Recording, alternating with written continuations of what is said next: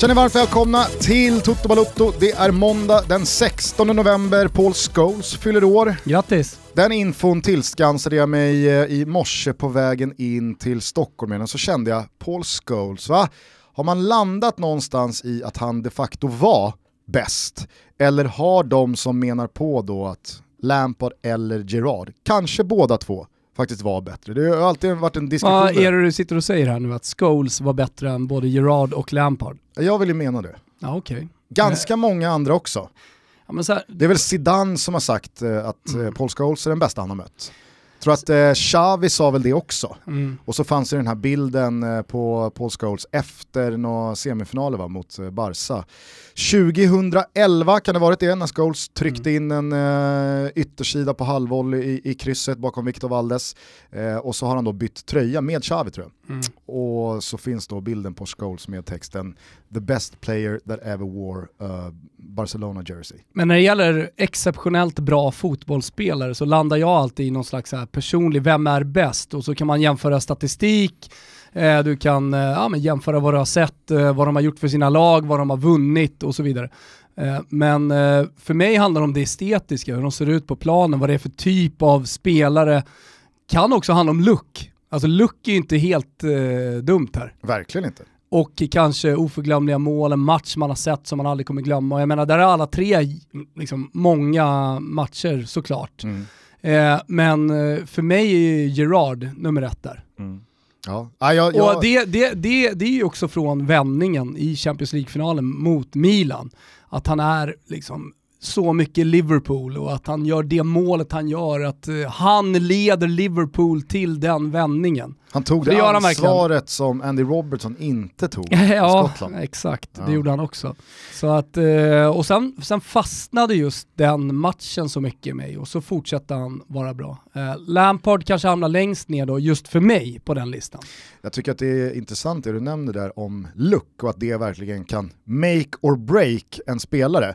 Jag tror att i fallet Paul Scholes så är han i andra änden av det spektakulära spektrat. Alltså om Edgar Davids eller Ronaldinho mm. är i ena änden, Davids då med sina dreads men framförallt då sina tonade glasögon. Var det grönstarr han hade? Ja, det var det. Eh, och så Ronaldinho med hela sin grej och så vidare och så vidare. Beckham kan du nämna där med alla olika frisyrer och tatueringar och så vidare.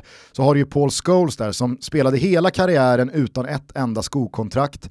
Han hade liksom en icke-frisyr och han gjorde inte media. Mm. Eh, han var ju så blek, inte bara i, i hudtonen, utan som liksom person mm. eh, i och med att man aldrig fick någon relation till honom. Sen så på... Det är ju också älskvärt, det, det är karaktärsdrag som man gillar. Det. Men för andra så är jag helt övertygad om att det gör att man både under hans karriär och efter hans karriär, nej man håller Gerard eller Lampard eller Xavi eller någon annan högre än Paul Scholes för att man behöver den där dimensionen av att spelaren fastnar på en även eh, medialt eller i lux eller i citat eller att någonting har hänt. Så Paul Scholes, han var ju bara en otroligt bra fotbollsspelare. Men är det inte ett litet problem också att han spelade samma generation och under tiden som Ryan Giggs också lirade och Ryan Giggs var lite mer spektakulär i sitt spel?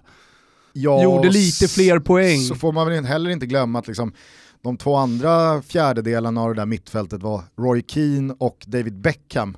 Eh, så det, det, det, fanns på ju... På tal om lux och där, på tal om... Personlighet. Ja, exakt så hamnar ju Beckham också i Ronaldinho på Ronaldinho-sidan, helt klart.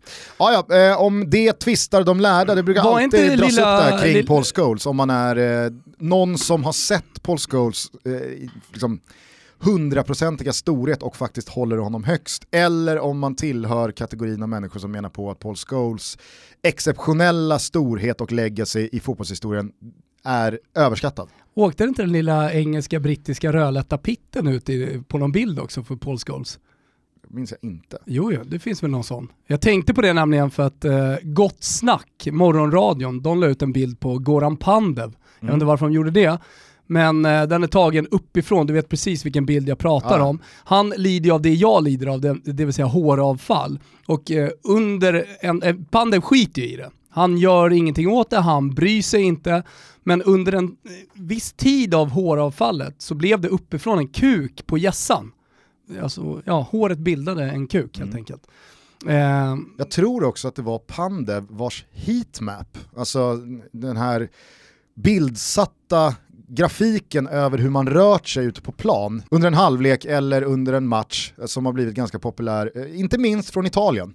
Väldigt ofta att man ser, alltså jag ser den betydligt oftare i Serie A-sändningar än i Premier League eller mm. Bundesliga eller allsvenskan. Då tror jag att det var Pandev vars liksom, heatmap också bildade en, en äh, så här, man, om man såg den så gick det inte att inte tänka kuk. Så det är dubbelkuk då på Panda. Men jag tänkte bara, vad det gäller, vad det gäller Scholes så menar jag bara på att det kunde bara göra honom ännu mer älskvärd. Mm. Att han inte har någon underbyxa och sen så gör han en glidtackling. Så åker paketet ut så att säga. På tal om glidtackling, kommer du ihåg när han satte dobben rätt i Håkan Milds lår? Oh ja. Och alltså spräckte hela mm. låret, det var dobben rakt in. Mm.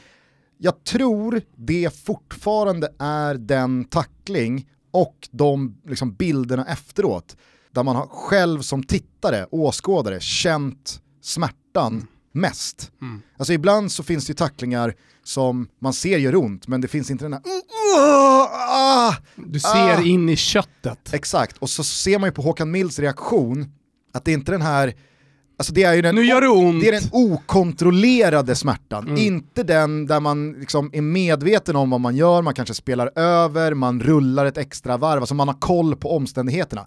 Allting svartnar ju där och då för Håkan Mild. Ja. Det är liksom, kroppen är nästan som i spasmer. Kunde han lite gott ha också Håkan Mild va?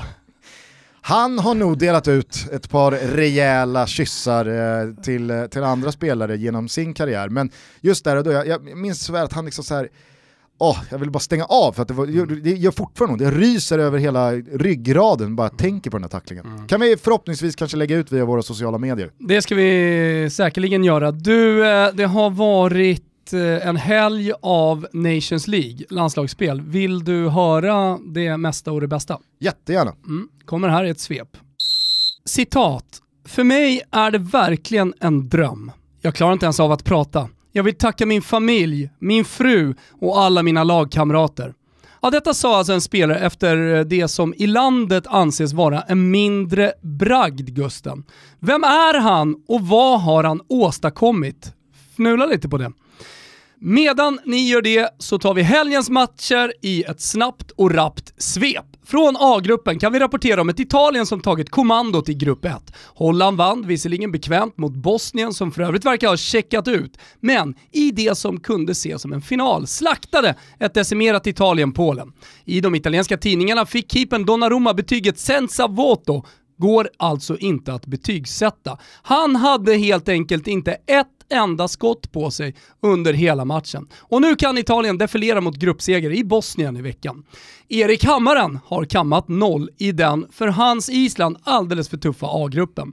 Danmark däremot slog Island och gick faktiskt om the Three Lions på söndagskvällen. Detta efter seger mot just Hammaren, samtidigt som Dries Mertens frisparkade Belgien till 2-0 mot England. Hänger ni med? Vi hoppar Svedalas grupp och går till tysken, ja den tysken. 3-1 mot Ukraina och gruppledningen inför den stora finalen mot Spanien på tisdag. Spanien fick ju faktiskt bara kryss mot Schweiz som avslutade fighten med 10 man utan att Luis Enrique visste om detta. Och då hade Sergio Ramos lyckats sumpa två straffar, bland annat på Luckman-vis. Otroligt slarvigt som mycket väl kan komma att kosta gruppsegern. Från B-grupperna noterar vi fortsatt tokkörning av Finland som på onsdag spelar gruppfinal mot Wales. Fyra raka för våra grannar och Pukki stekhet på Littmanen-vis. Vi noterar Norges eh, corona-debacle men också att man trots detta har chans på gruppsegern. Österreich på onsdag med B-laget säger Lagerbäck. Vilka tider hörni, vilka tider. Slutligen då i grupp D, för vi hoppar också helt sonika Nordmakedonien, Vitryssland och Grekland och de övriga gängen i C. De känns på något sätt otroligt ointressanta. De krigar liksom på och de får göra så. Nej men i Nations League eh, D, alltså längst ner i Europaskiktet, vinner Gibraltar sin grupp före Liechtenstein och San Marino. San Marino med noll mål gjorda. Löser ändå trots 10 man kryss mot Gibraltar i helgen. Detta blev alltså den andra 0-0an. Man står på två pinnar. Och jag upprepar, noll mål gjorda. Hur är egentligen då stämningen i San Marino, Gugster? Kan du vara snäll och svara på det? Vi är denna vecka sponsrade av våra vänner på K-Rauta. Nu är det mörka november, nu är det regniga, gråa, trista, osofta november mm. om man inte hjälper det på traven. Exakt, eh, och då vill ju jag lyfta utomhusbelysningen. Jag bor ju i radhus Gusten och eh, har en liten framsida och en liten baksida. Och då är det så jäkla trevligt med utomhusbelysning, ljusslingor, ved kan man ju också använda utomhus. Precis. Det vet du va? Ja, ja. ja. Och så kan man då skapa härlig stämning när folk kommer på besök eller man kommer hem från jobbet så är det liksom, ja men det är härlig stämning med ljuset. Maxa myset och gör det genom Coreout man kan lägga sin beställning på coreauto.se och sen så kan man hämta allting utan att lämna bilen i deras drive-in. Mm. Perfekt i dessa tider att hålla det smidigt och enkelt. Exakt. När ni gör det, tänk på att det finns en hashtag som heter Coreoutatutto. Då kan man lägga in när man hämtar sina prylar som man har beställt. Du, Innan vi avslutar bara så vill jag tipsa om K-Rauta Plus. Och då undrar du, plus, vad är det för någonting? Mm, verkligen, vad är det? Jo, det är deras medlemsklubb. Och då undrar du, vad får man ta del av för förmåner? Jo, massa unika erbjudanden och såklart all deras kunskap, men med mer service. Man kan låna släp kostnadsfritt. Det är bra. Ja, det är faktiskt riktigt bra. Det är inte jättemånga som sitter på ett släp hemma tänker jag. Men eh, bättre priser och så poäng på alla köp. Och det är helt kostnadsfritt att bli medlem och du kan enkelt signa upp dig i en K-Rauta-butik eller online på krauta.se sisu. Och K-Rauta skriver man k-rauta.se sisu. Missa inte heller att följa K-Rauta på Instagram, där har vi en liten tävling tillsammans med dem. Så att, eh, gör det bara. Gör det. Stort tack till K-Rauta för att ni är med och möjliggör Toto Balotto. Kitos. Ja, så vid det här laget ska ju Liechtenstein ha lämnat in licensen. Eller den ska ju ha varit ryckt mm. av Uefa. Så, då tar vi den. San Marino, alltså, folk brukar ju prata om att fotboll går ut på att göra mål. Ja. Alltså det är sägningen. Ah, gör det det? Ja. Handlar väl om att ta poäng. Det går att ta poäng uppenbarligen utan att göra mål. Ja, det går uppenbarligen att ta poäng och det går uppenbarligen att glädjas åt det lilla. För citatet som jag läste upp eh, inledningsvis, alltså det här var verkligen en dröm och han vill tacka familj och fru och lagkamrater och alltihopa. Det är den unge spelaren Dante Rossi i San Marino som sa eh, de här orden efter 0-0 mot Gibraltar. Man löser 0-0 mot Gibraltar! Då står han på riktigt med tårar i ögonen i intervjuzonen, i den mixade zonen efter matchen. Det är vackert. Otroligt. Det är vackert. Men eh, som sagt, ryck licensen från Liechtenstein nu. Den kan vi rycka. Den måste Men bort. San Marino, vi, vi delar väl det, Dante Rossis eh, glädje. Döpt efter den store skalden Gusten. La Divina Commedia, har du läst den? Ja, eller nej, det har jag inte. Där ja, jag. försten då, av jag trodde, jag, trodde, jag trodde din eh, fråga skulle vara, det har du koll på va? Därför hade jag bestämt mig för att svara ja.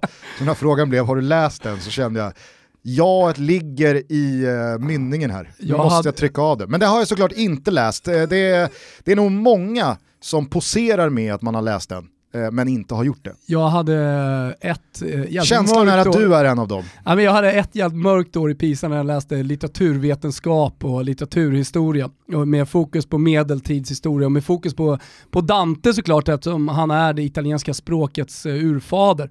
Eh, och han, han, var ju, han var ju den första, vet du vad grejen med Dante, varför man säger att han är italienska språkets urfader? Ja. Att man fram till Dante så skrev man ju bara på latin, så i bibeln och liksom, ja, det var mest religiösa ja. texter stod det på latin, men man ja. pratade ju ett annat språk, man pratade inte latin, utan du pratade ju italienska, eller det man då benämnde som vulgärlatin. Och Dante var den första som skrev på det språket, så att folket kunde helt plötsligt läsa så en text. Och därför igen. Där känner jag mig som Håkan i When We Were Kings, när Niva ställer en fråga. Och man hör på Håkan att han han vill så jävla gärna ha rätt här och kunna svaret. Men får liksom, och så kan inte Erik hålla sig och så till slut kommer svaret och så får liksom Håkan ytterligare en gång bara Men, rulla vidare utan att ha kunnat briljera. Ett år i Pisa med eh, vulgärlatin från 12-1300-talet och analysera eh, strofer av eh, Dante. Ja. Jag har hört roligare saker i livet. Ja, men du hatar inte att kunna referera tillbaka till det där året. I arbe- vad, vad landade allting i liksom, yrkesmässigt efter att ha pluggat ett år? Det, det, det, det landade i en minut i Toto Balutto och prata om det. Mm.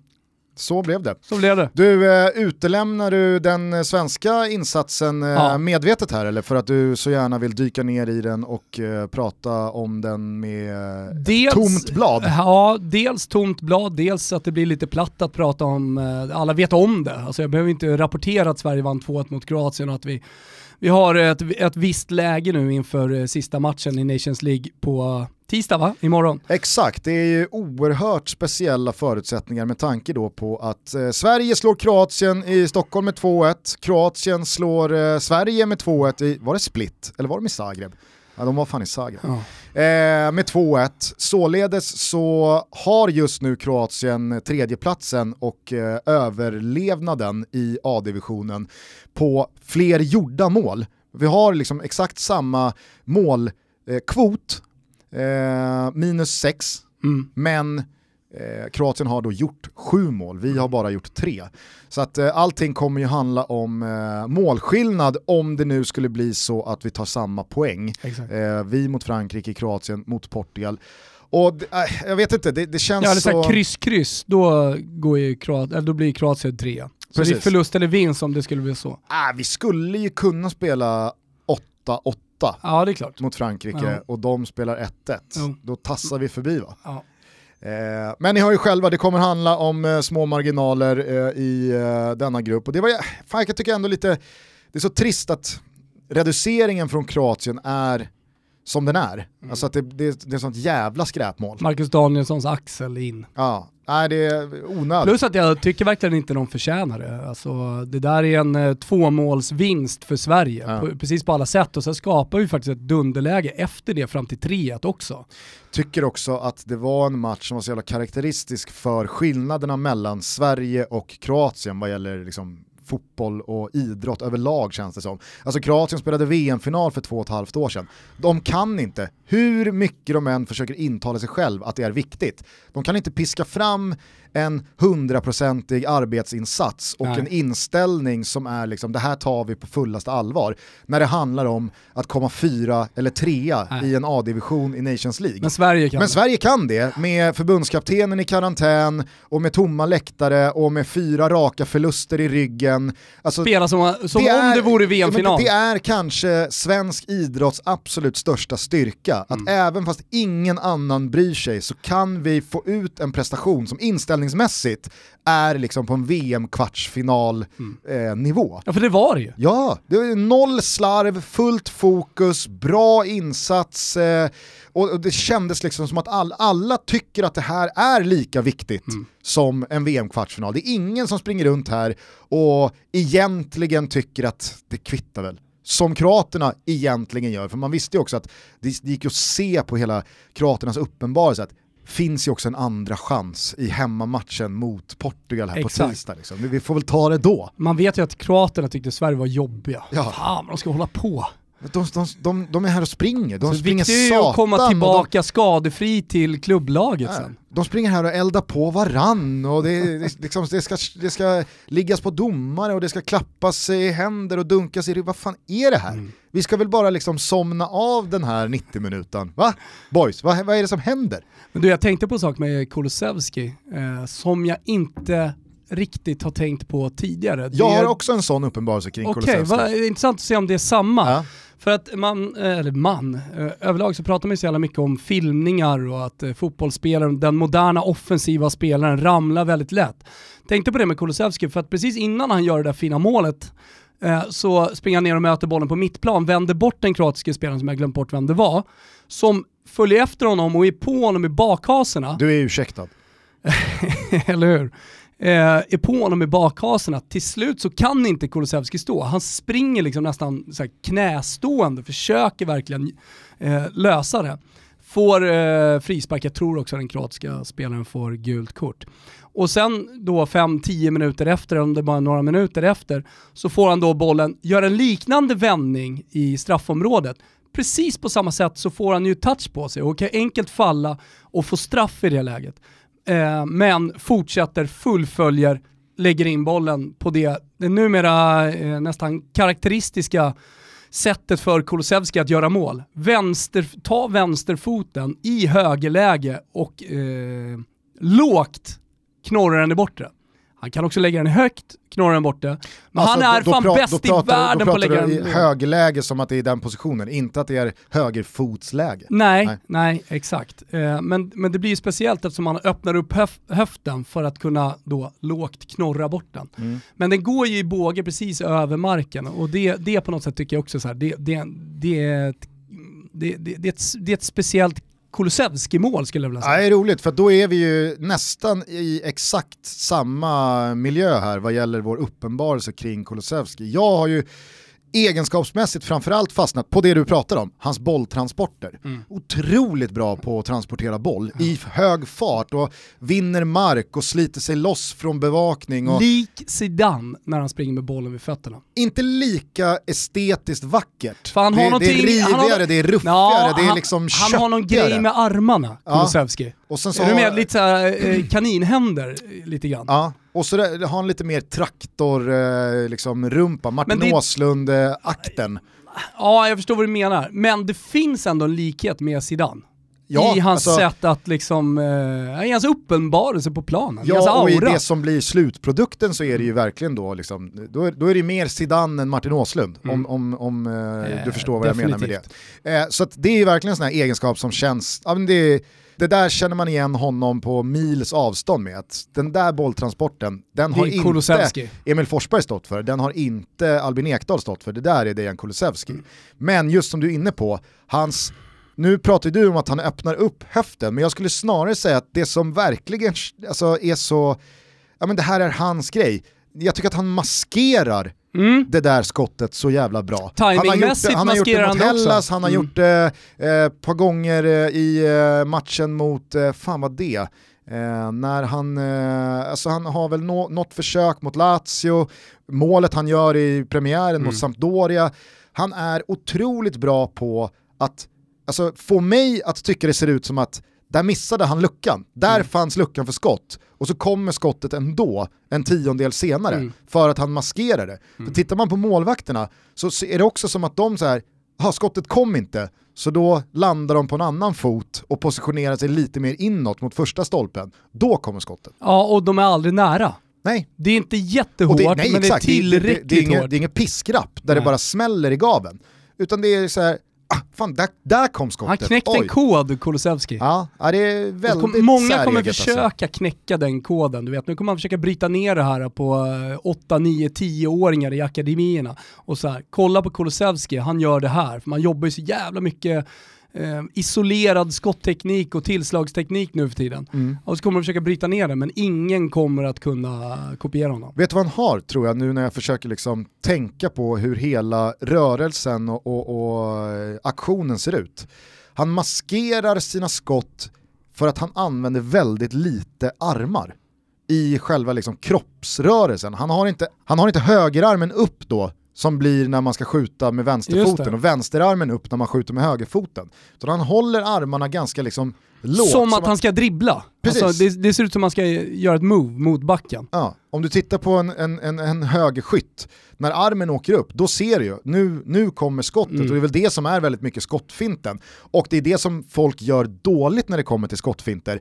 Armen är inte uppe. Nej. Eller så är den uppe liksom för, den är uppe onaturligt tidigt. Ja, och för mycket. Precis, att ah, aha, ja, här skottfint kommer... på gång. nu är skottfint på gång. Men Kulusevski, alltså han är jävligt bra på att få iväg ett skott utan att visa Men vad roligt att vi pratar om det, för då ser man ännu mer fram emot att se honom mot eh, eh, Frankrike. Ja. Vad tycker du om eh, rollen då? Alltså, nu har det ju varit alltså. en Kulusevski som både i landslag och framförallt Juventus har testats eh, i olika formationer, testats på olika positioner, eh, startat, kommit in, gjort mål, spelat fram, dribblat, transporterat boll, vunnit dueller. Alltså, jag vet att vi har pratat väldigt mycket om Kulusevski ja. i den här podcasten de senaste månaderna, men han ger oss också hela tiden anledning att fortsätta med det. Mm. Vi pratade ju om det i senaste avsnittet, att ja, men, nu vet man att det blir eh, Viktor Claesson och Marcus Berg på topp mm. för att Claesson ska spela och Kulusevski är opetbar numera Forsberg lika så och centralt så är det Kristoffer Olsson och Albin Ekdal. Jag såg inte det komma att Sebastian Larsson tog sig in i den här startelvan till höger och att ja. det då blev Viktor Claesson som fick flytta på sig för att Kulusevski skulle spela släpande forward. Mm. Alltså det, det var jävligt oväntat. Ja, det var, det var det definitivt. Eh, och jag tror att många blev positivt överraskade också av Sebastian Larssons prestation. Nu är han ju så otroligt bra på eh, fasta och liggande boll och hittar Danielssons panna, men inte bara.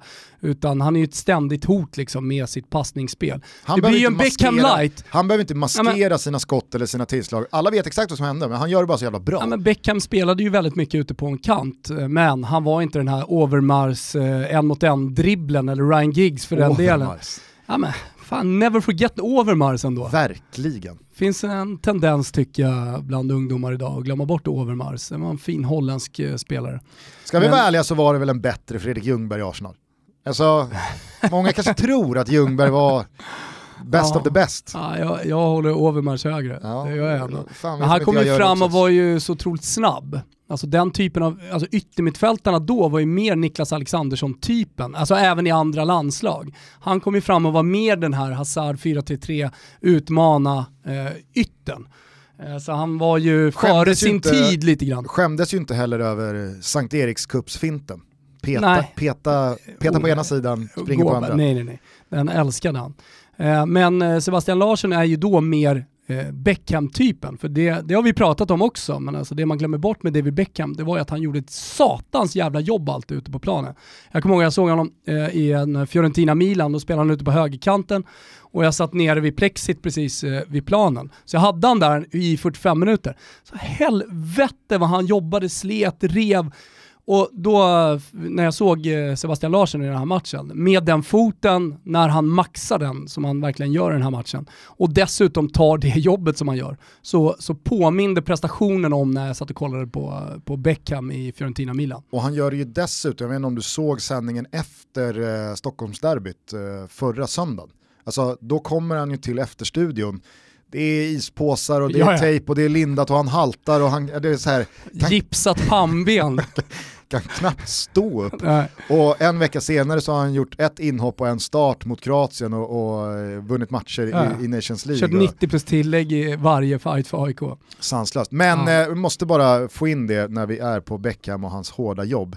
Eh, kommer du ihåg när det blev klart med LA Galaxy för Beckham mm. och Fabio Capello, då tränare i Real Madrid, valde att sätta ner Beckham i juniorerna. För att så här, du har gjort klart med en annan klubb, sånt gör man liksom inte i Real Madrid eller i, i mina lag och tror att man bara ska fortsätta få spela, för då är ju ditt fokus uppenbarligen någon annanstans. Och Beckham efter alla år liksom som kanske världens mest eh, påpassade fixstjärna i fotbollen, inte ett ljud.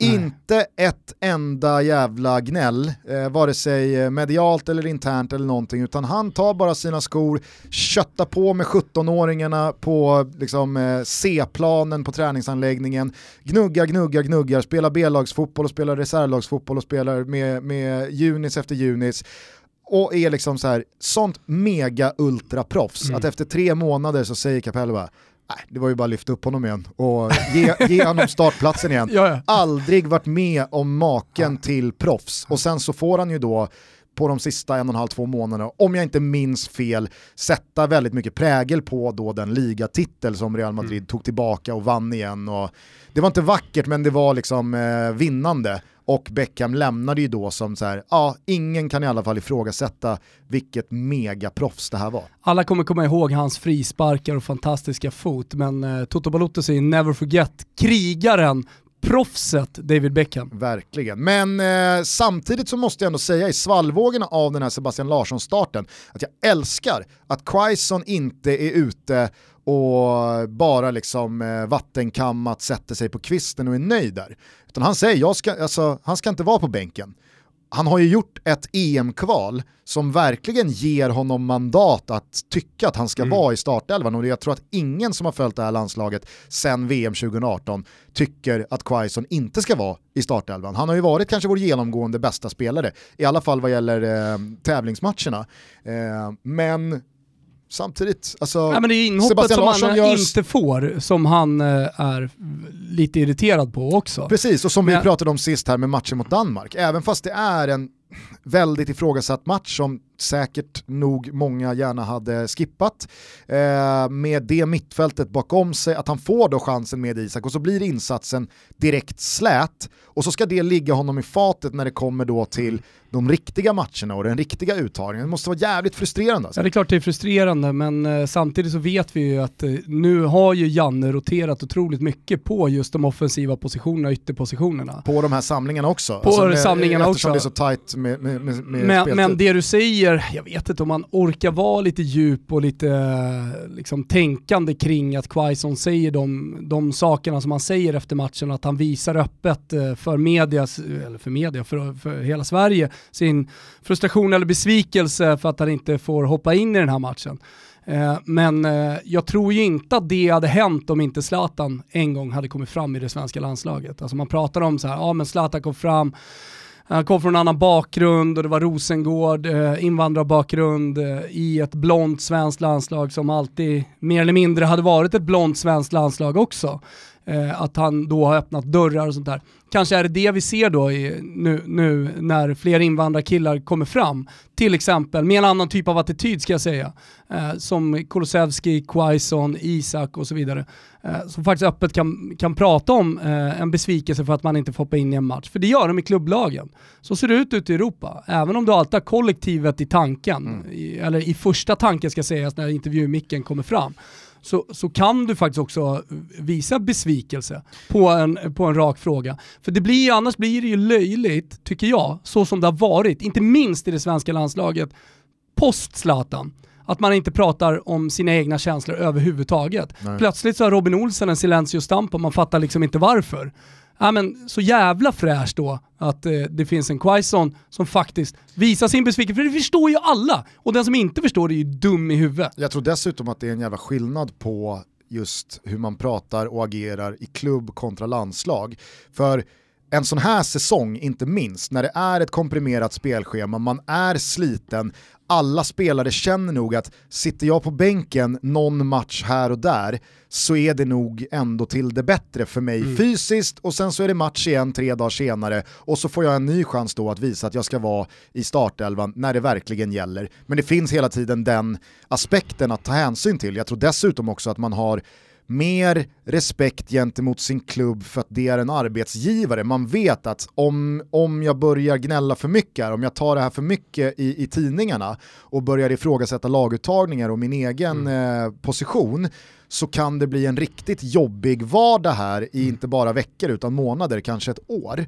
Men här i ett landslag så tror jag också att det handlar om att Quaison vet ju att det som sker här är ju kanske inte att han missar matchen mot Kroatien, för att det kommer en ny match mot Frankrike redan imorgon och det finns möjlighet till speltid. Utan han vet ju att den här insatsen, det som hände först mot Danmark och sen då att jag inte är med i startelvan några dagar senare, när vi slår Kroatien och faktiskt vinner en match igen, det gör man utan mig i startelvan och det kommer förmodligen, alltså Quaisons chanser att starta EM-premiären försämrades ju väldigt mycket mm. i lördags. Ja, och det är det, det han vet. Alltså, det är, det, som, det är det som präglar hans besvikelse menar jag, snarare än att, som i klubblaget, att ja, han, han satt på bänken när Mainz mötte Bayern München. Ja, fast ni möter eh, Schalke här om fyra dagar igen och då mm. kommer du vara i starten för det har varit mycket matcher här mot slutet och du kanske inte har varit i form. Nu blir det ju något annat. Ja, men det köper Men eh, jag tror också att eh, Quaison generellt sett är lite frustrerad över hela sin situation. Att Mainz ligger tvärsist i Bundesliga, man får spela defensivt i stort sett alla matcher. Eh, vi, och det vet ju alla, då är det tuffare att vara en offensiv spelare. Då måste du vara extremt effektiv, sätta alla dina chanser för att komma upp på dubbla siffror. Eh, och så dessutom då göra en svag match i en träningslandskamp, bli petad i en stor succé, eller stor succé, men, men vi, vi slår ändå eh, VM-finalisten. Ja, jag menar sett till den här hösten så är ju också matchen ett jävla trendbrott och så det är den genomgående bästa prestationen. Men jag tror inte att man ska underskatta detaljen av att det är Sebastian Larsson som är i startelvan. Hade den här startelvan stavats som vi trodde då, Kulusevski till höger och Claesson bredvid Berg, så tror jag att Quaison kanske inte hade sagt som han hade gjort för att han hade, jag vet inte, köpt den mm. uttagningen på ett annat sätt. Men när det är Sebastian Larsson som håller Quaison i förlängningen utanför startelvan, för det blir ju på Quaisons bekostnad, ja. då tror jag att det är Mm. Och det tror jag Viktor Claesson känner också. Ja, nej men eh, vi inledde ju egentligen hela landslagsdiskussionen eh, med att prata om Kulusevski och hans roll i, i den här matchen. Inte roll i landslaget, utan roll i den här matchen. Hans position på planen. Jag börjar mer och mer tycka att han ska vara så nära mål som möjligt. Han kommer aldrig bli en nummer nio, men eh, som en släpande forward eller sekunda punta, vad man nu vill kalla det. För de första matcherna med Juventus när han fick spela tillsammans eh, med Morata på topp, mm, spelar han med Morata på topp eller spelar han med Ronaldo på topp då? Han spelade med Ronaldo på topp för fan i första matchen. Mm. Hur som helst så, så kom han då närmare mål. Alltså jag älskar honom där. Och jag har alltid tänkt såhär, jo men han ska ut på kanten snart. Och så gör han det bra där, det är inte så att han är dålig där. Men i en sån här match när Sverige ändå skapar jävligt mycket, då vill man ju ha Kulusevski där framme. Alltså i, i skottlägen, i straffområdet där han kan göra mål. Mm. För ju längre ut på kanten han kommer, ja, desto mer assistman blir han. Men eh, i Italien, eh, eller i La Gazzetta dello Sport idag så, så ska man att eh, Kulusevski har tusen kostymer att välja på. Och det är väl lite kanske det som är hans största edge då. Att han kan spela ganska defensiv yttermittfältare. Eh, det är inte hans bästa roll. Alltså, det gör Sebastian Larsson förmodligen bättre, men han kan göra det.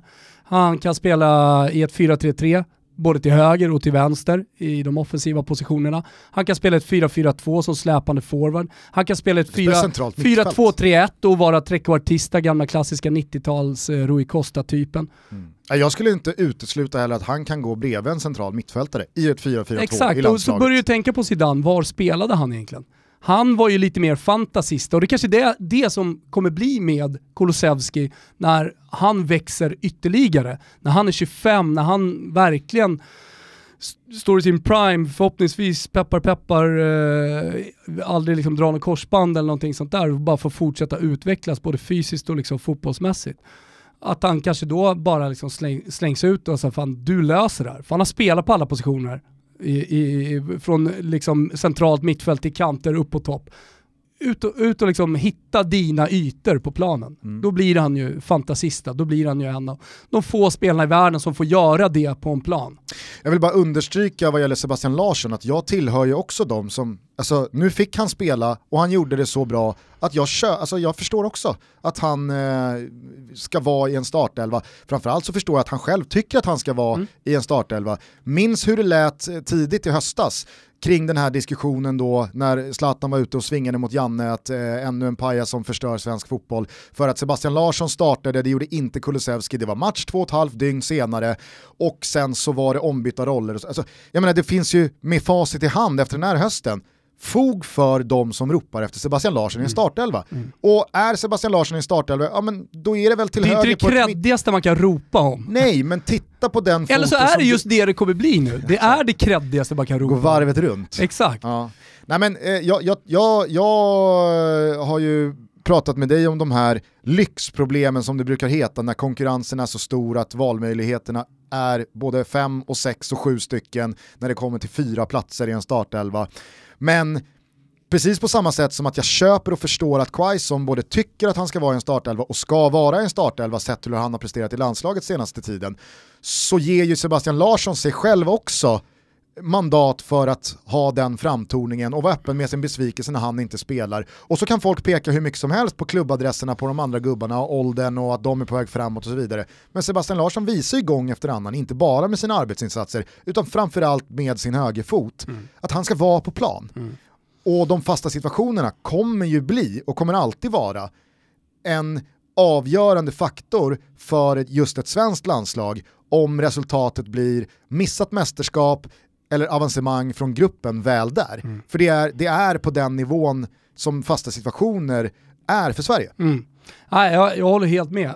Och, vilket, vilket då gör att vi har några positioner i den här svenska startelvan som vi kommer få anledning inför EM, oavsett mer eller mindre vad som händer, diskutera vill, vem kommer spela. Mm. Och jag tror också att det kommer vara olika i gruppspelsmatcherna. Olika, olika spelare på just de här positionerna som vi pratar om just nu eh, som kommer starta. Olika spelartyper. Mm. Eh, och det tror jag, det är bara en styrka i slutändan. Men då måste också alla ha den attityden som Quaison har. Eller hur? Och det, det, är klart de har, men, men ändå, det, det är jävligt viktigt. Att man kan ha det höga taket Gustav. Men den andra positionen är ju såklart den bredvid eh, Victor Nilsson Lindelöf. Sannerligen. Och där måste väl Marcus Danielsson ha gått förbi. Han är väl startman idag. Ja, och... Om EM är imorgon. Ja, nu är ju inte EM imorgon, men jag förstår ju hur du tänker. Däremot ska man ju komma ihåg att Marcus... Ja, men med Ponne fri, eh, skadefri. Ja, ja. Nej men alltså, det här har ju varit en höst där Ponne sannoliken har getts chansen att ta startplatsen från Andreas Granqvist alldeles oavsett vad som händer med hans fysiska form. Och nu har ju inför den här samlingen bland annat så pratade ju Janne, eller om det var förra samlingen, nej men det var väl inför den här va, så adresserar ju till och med Janne själv att men tiden, det, det, alltså, det är inte bara för Andreas Granqvist att kvickna till här, dra på sig skorna och gå rakt in i en eh, landslagselva till EM. Det kommer att spelas många landskamper utan Granen, det har redan gjorts. Vem ska han peta? Nej, men det är det med, alltså så här, ska peta, Starfelt har ju också gjort det bra. Samtidigt, hade Marcus Danielsson inte gjort den väldigt stabila och då toppad med ett målinsats han gjorde i lördags.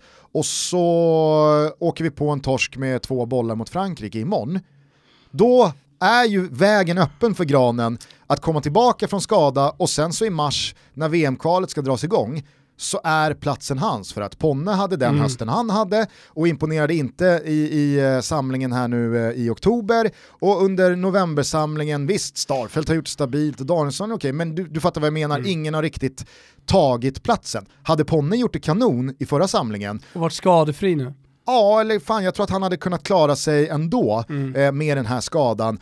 Han hade varit första valet jämte Vigge i vår. Men nu är det ju liksom, gör Danielsson en bra match imorgon, för jag utgår från att han startar igen bredvid Lindelöf, ja, nej, då, då, då, har han nog, eh, då har han nog klivit upp. Då har han, då har han gått om, ja. skulle jag vilja säga.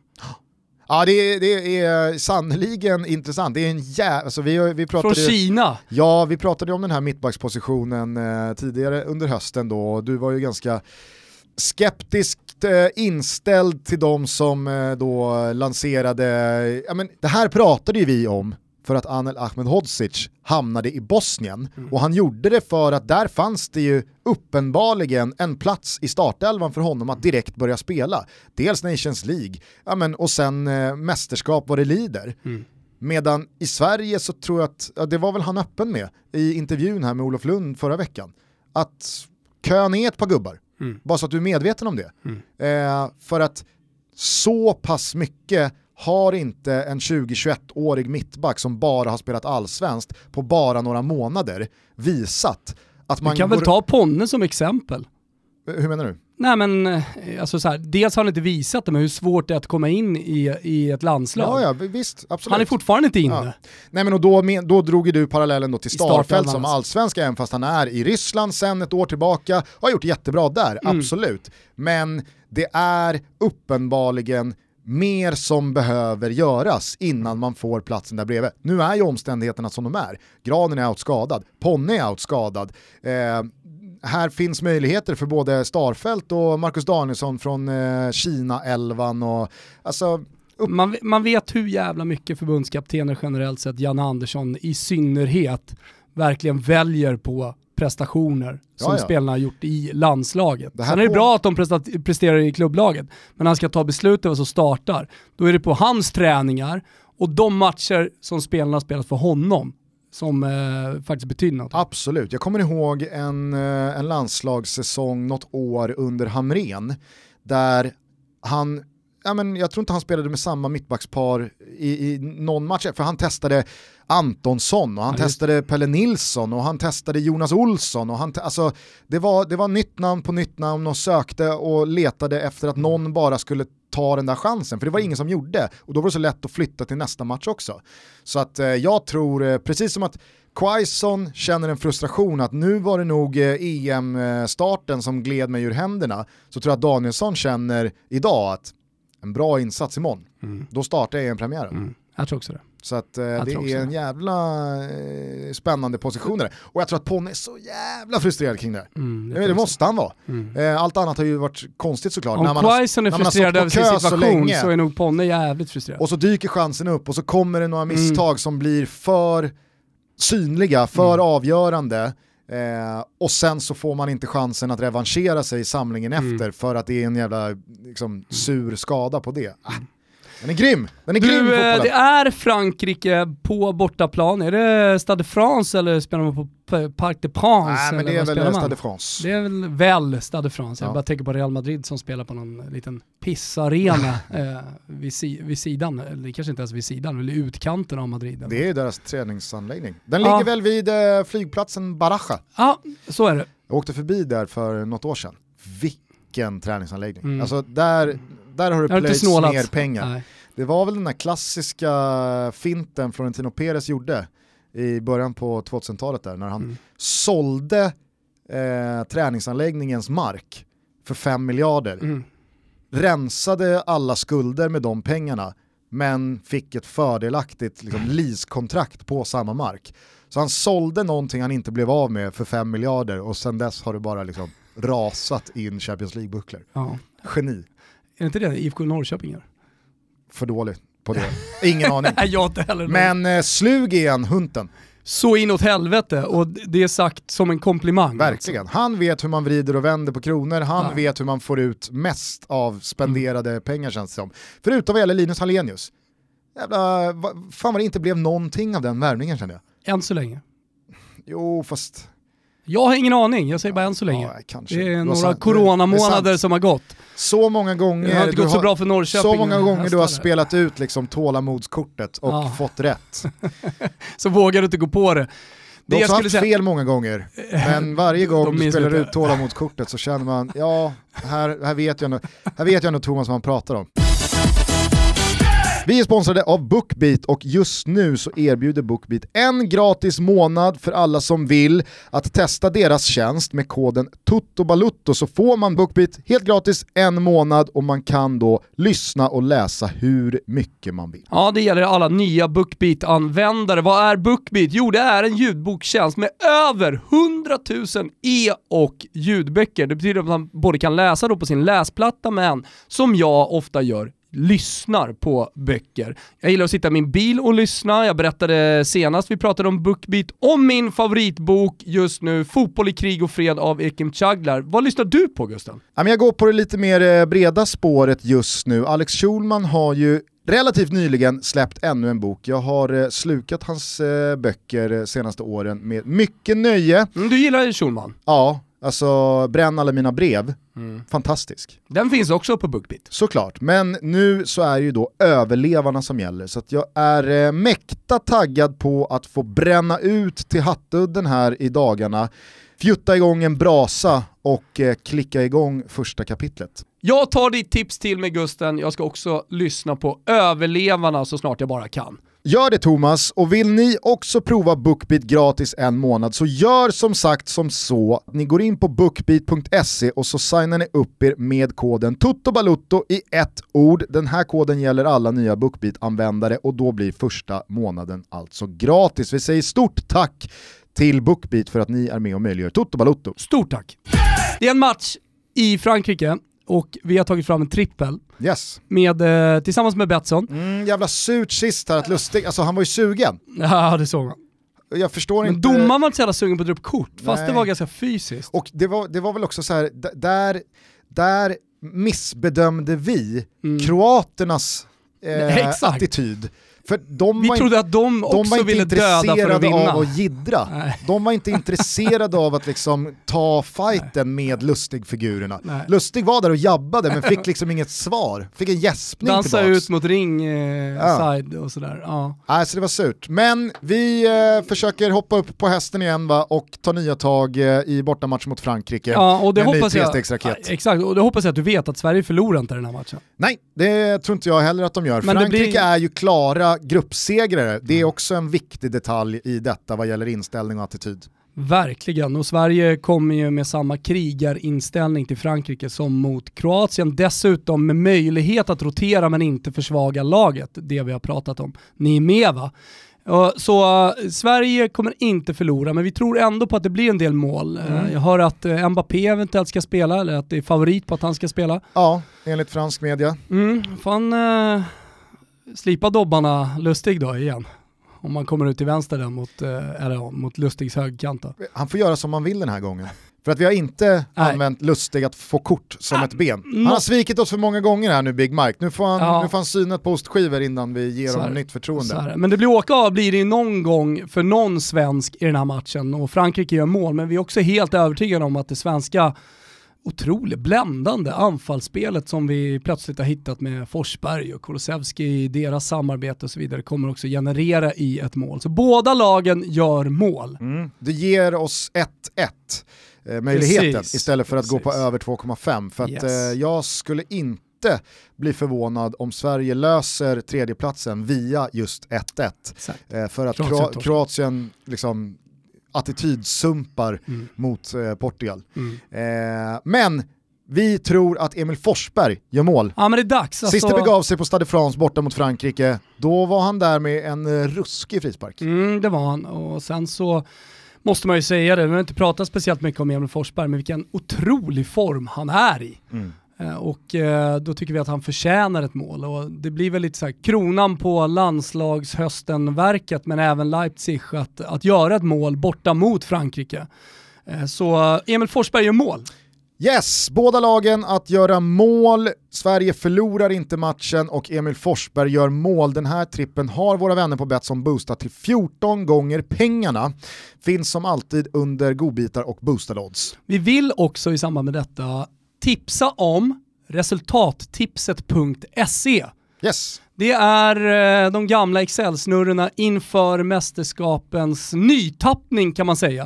Det vill säga att man eh, tippar alla mål i en omgång. Det kan vara Premier League, det kan vara Serie A, man skapar sina egna ligor eller man går med i vår liga och vi har valt då Premier League för vi vet att det är väldigt många som, som gillar Premier League. Precis, det kickar igång här till helgen. Vi spelar en knockout-form i vår liga så att eh, hälften eh, åker ur vecka efter vecka så halveras startfältet Jävla då, roligt. tills vi har en final. Och det är väldigt basic, man ska tippa resultaten i de tio Premier League-matcherna mm.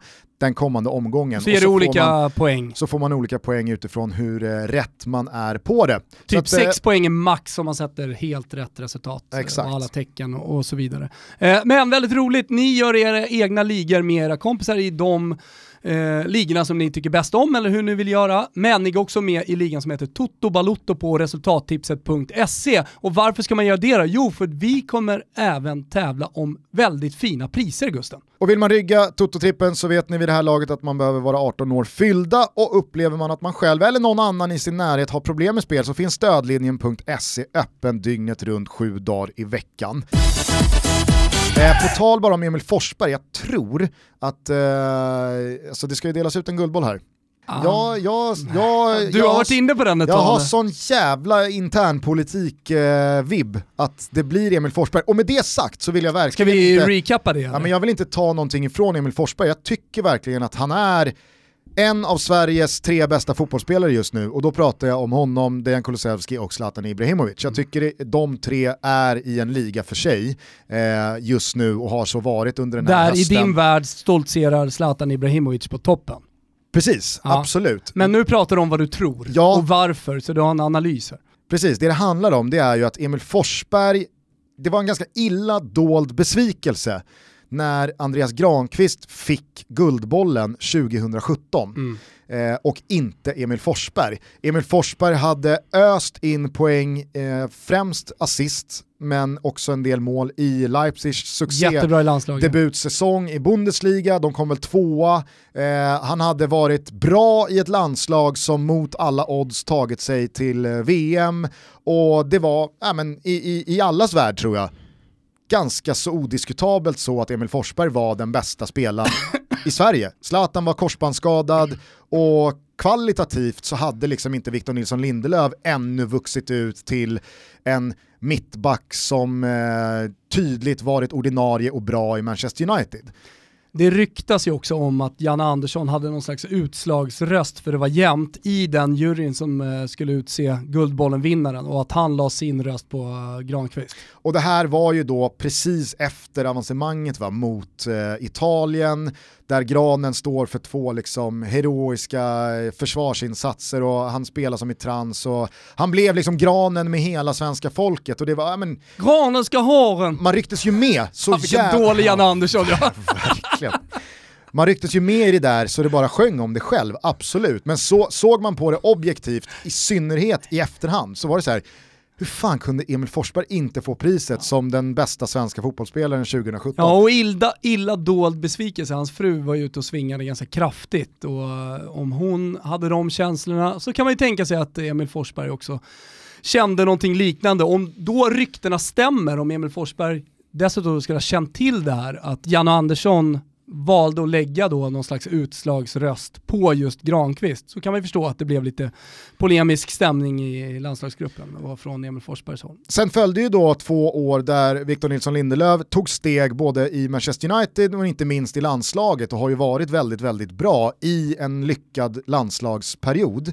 Emil Forsberg å andra sidan har haft lite dippar, det har varit eh, mycket småskador och kanske landslagsmässigt. Framförallt en vår och en vinter som inte var speciellt bra för Emil Forsberg. Absolut, men nu pratar, nu pratar jag också 2018 och jo, 2019. Jag förstår och att du gör det. Eh, där har det ju varit lite sämre prestationer, inte minst i landslaget och så har det varit in och ut i Leipzig och så vidare. Men ser man till den här senaste perioden, november till november, så var ju Emil Forsberg extremt bra i det Leipzig som gick vidare från Champions League-gruppspelet i vintras. Eh, han gjorde det bra ja, men november, december, januari, februari. Vi satt här och pratade för ett år sedan om att nu kommer Nagelsmann nog börja prata om Emil Forsberg som en av de bästa spelarna i Europa. Skedde inte, Nej. jag var snett på det i, i, i, känslan. Men även fast Emil Forsberg inte spelade jättemycket, inte satte jättestor prägel på framgångarna både i Bundesliga och inte minst i Champions League under sommaren, så har det varit en höst där Emil Forsberg har varit en av Leipzigs absolut bästa spelare och jag tycker han varit landslagets bästa spelare, förvisso i en tung resultatmässig period. Men Kulusevski i all ära, Kristoffer eh, Olsson och Marcus Berg i all ära också. Emil Forsberg har varit landslagets bästa spelare den här hösten. Mm. Så är det bara. Eh, och på det så har du alla då de här eh, och på det så finns alla de här lagren från tidigare. Att, så du menar det blir politisk säger, eh, guldboll? Det är bara Zlatan emot, för det mm. tycker jag verkligen. Kulusevski kommer plocka guldbollen, om det inte är nästa år så är det året efter det. Alexander Isak kommer vinna guldbollar, så det tror jag också är en, en, faktor att ta hänsyn till i Emil Forsbergs fall, att han vet att det är lite nu eller aldrig. För Kulusevski står nog på tur redan 2021. Så att ska Emil Forsberg få den där guldbollen någon gång i sin karriär, den guldboll han skulle ha haft 2017, mm. så är det nu. Och med tanke på hur viktig han är för det här laget, med tanke på hur viktig stämningen i gruppen är för Janne och Wettergren och jag tror alla inblandade. Jag, jag, ska, jag skulle inte underskatta då att så här, vi ger honom guldbollen. Men din, Han får guldbollen ja, här nu. Men din topp är Zlatan, min topp är Zlatan, tvåa Kulusevski, trea Foppa om jag skulle sitta med i den där juryn. Ja, visst, absolut. Men jag tror, eh, jag tror att och det tror jag att du håller med mig om. Den här köper, internpolitiska jag, faktorn ska inte Jag gillar att den finns också. Det här, det här, är inte liksom, oj, kul att dela ut en guldboll va? Om det, om det bästa det för det svenska landslaget inför EM 2021 är att Emil Forsberg får den med stämning och allting, gruppdynamik som du pratar om då, då, då ger han också till Emil Forsberg. Men jag tycker att Zlatan ska ha den, om inte han får den så tycker jag att Kulusevski ska ha den. Mm. Om man bara utgår från vad de har presterat på planen det senaste året. Ja, ja, ja, ja. Forsberg, Forsberg tar den. Forsberg tar den. Hörru, vi håller på med en tävling på vår Instagram tillsammans med Lavazza. Där vi har eh, priser bland annat en årsförbrukning av just Lavazza Qualità Rossa, den röda kvaliteten från Piemonte och eh, Turin. Otroligt god med choklad och, och eh, hasselnötter som man kan hitta i tonerna.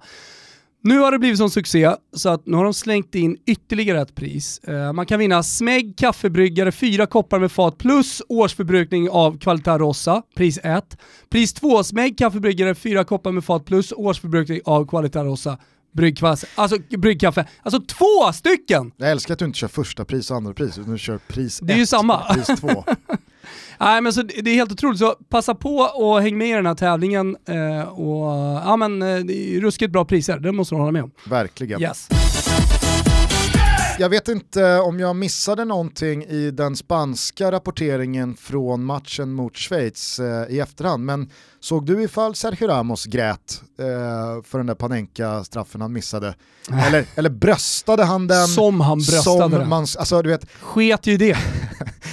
Alltså, det är så kul att det där händer bara dagar efter vi har pratat om det för första gången Ja. i Tuttos historia. Att en spelare missar en Panenka-straff, på det missar han dessutom en till straff i samma halvlek. Men hans attityd är exakt det vi hade satt fingret på att man måste köra på om man nu missar en Panenka-straff. Då är det bara att gå ut, högt huvud, Ja, ja. fråga om det är någon som har något problem eller om det är någon som behöver en uppsträckning. Inte liksom ner med huvudet mellan skuldrorna, tårarna, be om ursäkt, jag, jag skäms, jag har bett om ursäkt till båda. Alltså det, det, är bara, det är bara att stå upp. Även fast det kostade mig pengar. Ja. Jag och min gode vän Anton Elin, vi, vi, hade, vi hade en bra sudd på öven i Schweiz-Spanien. Så att vi var, vi Och var så tio man med. Spanien som jagar och för, att, för, att, för att vara i förarsätet inför den där finalen mot Tyskland. Ser ni på Simor hörni, eh, det ramas väl in på något sätt också, eller hur Gusten? Jajamensan, det är Nations League-kväll imorgon tisdag, Frankrike mot eh, Sverige och sen så är det som sagt toppmatch, eh, Spanien, Tyskland. Men flera gruppfinaler, det är det jag tycker är kul. Verkligen, då har väl inte Wales, ens... eh, eh, Finland var det det jag sa också tidigare. Jajamän. Alltså, det, det, det är flera spännande matcher, så att, eh, återigen då, eh, kudos till upplägget. Mm. Och sen så fortsätter ju kanonfotbollen från Serie A La Liga. Vi ramar in eh, Napoli-Milan i Fotbollssöndag, Europa på söndag. Gattuso Så att, ska eh, möta sitt gamla Milan. Har man inte ett simor abonnemang så är det sannoliken hög tid att skaffa det. Kort bara, jag måste ändå ge dig att du inte fastnade allt för mycket i eh, det italienska landslaget. Deras insats igår mot Polen, Bland det värsta jävla bra alltså. Ja. Och sen var ju Polen lite i den matchen, konstigt nog, i och med att det var en final. Eller så var de bara sämre, jag vet inte. Jag tyckte det kändes någonting på Lewandowskis uppenbarelse och inställning i den här matchen som någonstans smittade av sig också på lagkamraterna. Men, men sättet man slaktar sönder, nu är det bara 2-0, då kan ju folk säga vadå resultatmässigt så var det ingen slakt, nej men spelmässigt. Sensavoto och Donnarumma säger ju allt. Mm. Inget betyg, han, han, det var ett skott som blockades av italiensk back. Ja. Ett block på hela matchen. Och för de då som inte tar den referensen så är det Gazettans sätt att mena på Ja, att, hela ita italiensk media Ja. sätt. eh, att det, det, det går inte att sätta något betyg här. Eh, för att det fanns inget att göra. Ja men precis. Exakt. Eh, nej, men, Eh, eh, och sen eh, bara, bara kort också, det här med Luis Enrique så inte folk undrar vad var det han sa i svepet. Han sitter alltså på presskonferensen efter matchen och en schweizisk journalist eh, ställer frågan hur tänkte du när, ni, när Schweiz blev tio man? Eh, vad, vad hade du för liksom, plan då? Eh, eftersom de gör inget mål så det kan vara intressant att höra Luis Enrique och han vänder sig till tolken och bara Fick Schweiz en utvisning? eh, Valle, Valle, eh, körde ju bara. Otroligt. Ja. Eh, nej men jag måste säga det bara angående det italienska landslaget att eh, det, det, jag vet inte riktigt varför, för de radade ju upp, stannade de på 12-13 raka segrar under Mancini, alltså 2019 och, och sådär. Eh, men, men det känns som att jag klingat av lite. Men jag tycker fan Italien åker till EM nästa år alldeles oavsett hur det kommer se ut fram till Ja, dess. Spännande med ett outsider. ruskigt spännande ja. lag och en revanschlusta efter missade VM 18 och en ny generation och en fotboll under Mancini som känns så jävla Om Italien positiv gör succé i det mästerskapet och till exempel vinner eller går till final så tror jag att det är väldigt många som kommer ta till sig Barella. Så, så snuskigt fin spelare. Mm. Och då menar jag folk som är, normalt sett inte följer den italienska ligan av någon outgrundlig anledning. För Barella, jag älskar honom alltså. Mm. Så jävla fin spelare från Cagliari. Höj, Nu är Inter. höjer en liten eh, flagg också för att Gianluca Scamacca kommer ta sig in i den där EM-truppen. Mm. Går som tåget, eh, nummer nio anfallaren från Genoa som öser in mål i, i U21-landslaget också. Det, det känns som en sån här, jag vet inte, potentiell eh, Christian Vieri i VM 98. Kanske det. Kanske det. Men eh, finaste scener igår, eller från hela helgen, det är helt klart när eh, Gianluca Vialli tar upp eh, bollen och kysser den. Han var alltså andre gubbe igår när Italien mötte Polen för att Mancini var borta. Han på något sätt är med i staben eh, så att det blir då andre tränaren som coachar och han kliver in som ass i den här matchen. Aj, aj, aj. Så jävla fint var det att se. Eh, bara kort innan vi stänger butiken, Jack Grealish. Alltså, Ah. Vi började det här avsnittet med att prata att eh, Paul Scholes är i en ände av spektrat vad gäller liksom flärd och finess och att eh, man med sin eh, look och eh, sitt sätt att spela fotboll antingen sticker ut eller absolut inte sticker ut. Alltså Jack Grealish med hans eh, strumpor, med hans vader. Har du noterat hur extremt stora vader han har, men det är inte liksom Sherdan Shakiri eller Luka Modric eller eh, Roberto Carlos, den här väldigt eh, tydligt markerade eh, mangon eller handbollen eller liksom, alltså den kulan. Utan Jack Grealish vader, stor köttig jävla limpa, alltså det är så mycket vadmuskel men så lite konturer. Ja, den, den, jag vet inte, den, den, den har någonting och sen, som sagt de nerhasade strumporna, tajta shortsen, inte pagen, men han har ju liksom långt hår fast inte, inte, inte långt. Och så pannbandet och... Vet jag, du tycker, jag tycker Nu- Simon Dybban Lindell i någon podd, eh, Gambling Cabin-gänget där, sa det så jävla bra för någon månad sedan att Jack Grealish, om jag hade varit tio år och spelat fotboll på skolgården, då hade jag velat vara Jack Grealish. Alltså det är verkligen spot on i hur Jack Grealish spelar fotboll. Han har ju en klackmedtagning på en passning från Harry Kane igår som är, det är Maradona. Alltså det är Maradona. Sanslöst god Nu blev jag, nu blev jag både hungrig av den här beskrivningen av vaderna och lite kåt. Nu svallar känslorna i mig Gusten. Jag kan tänka så här, för en kannibal, helt ärligt, för en kannibal Ja. så är Jack Grealish vader, Det är måste, vara, det måste vara KB, eller vad heter det, Wagyu-biffen, vilken är den bästa?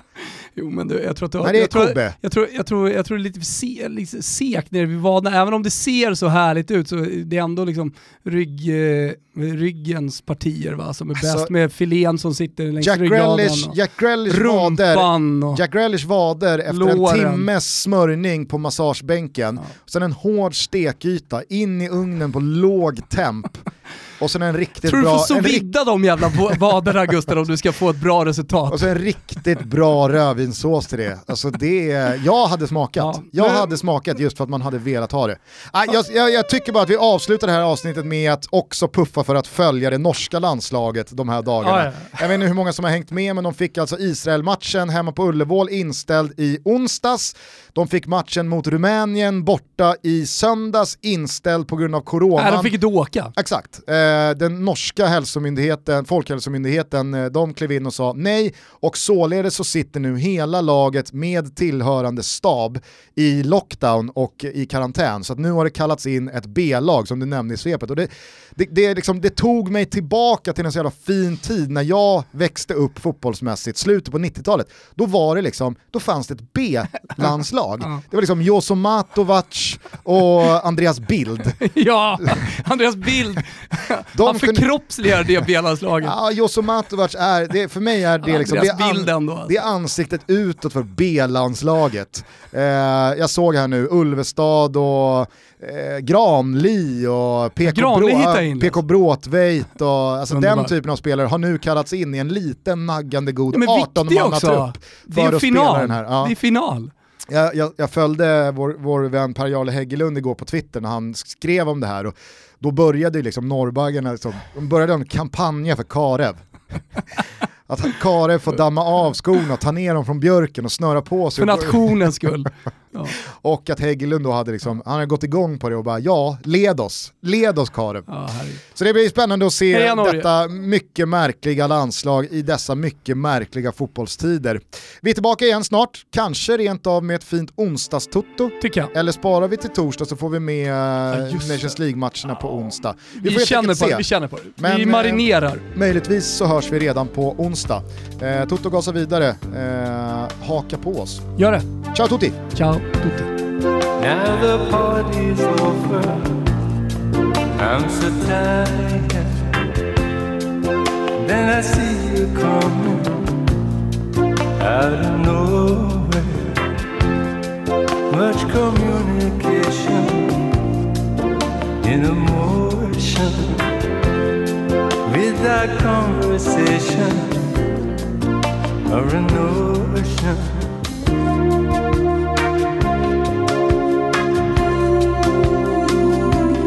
Avalon.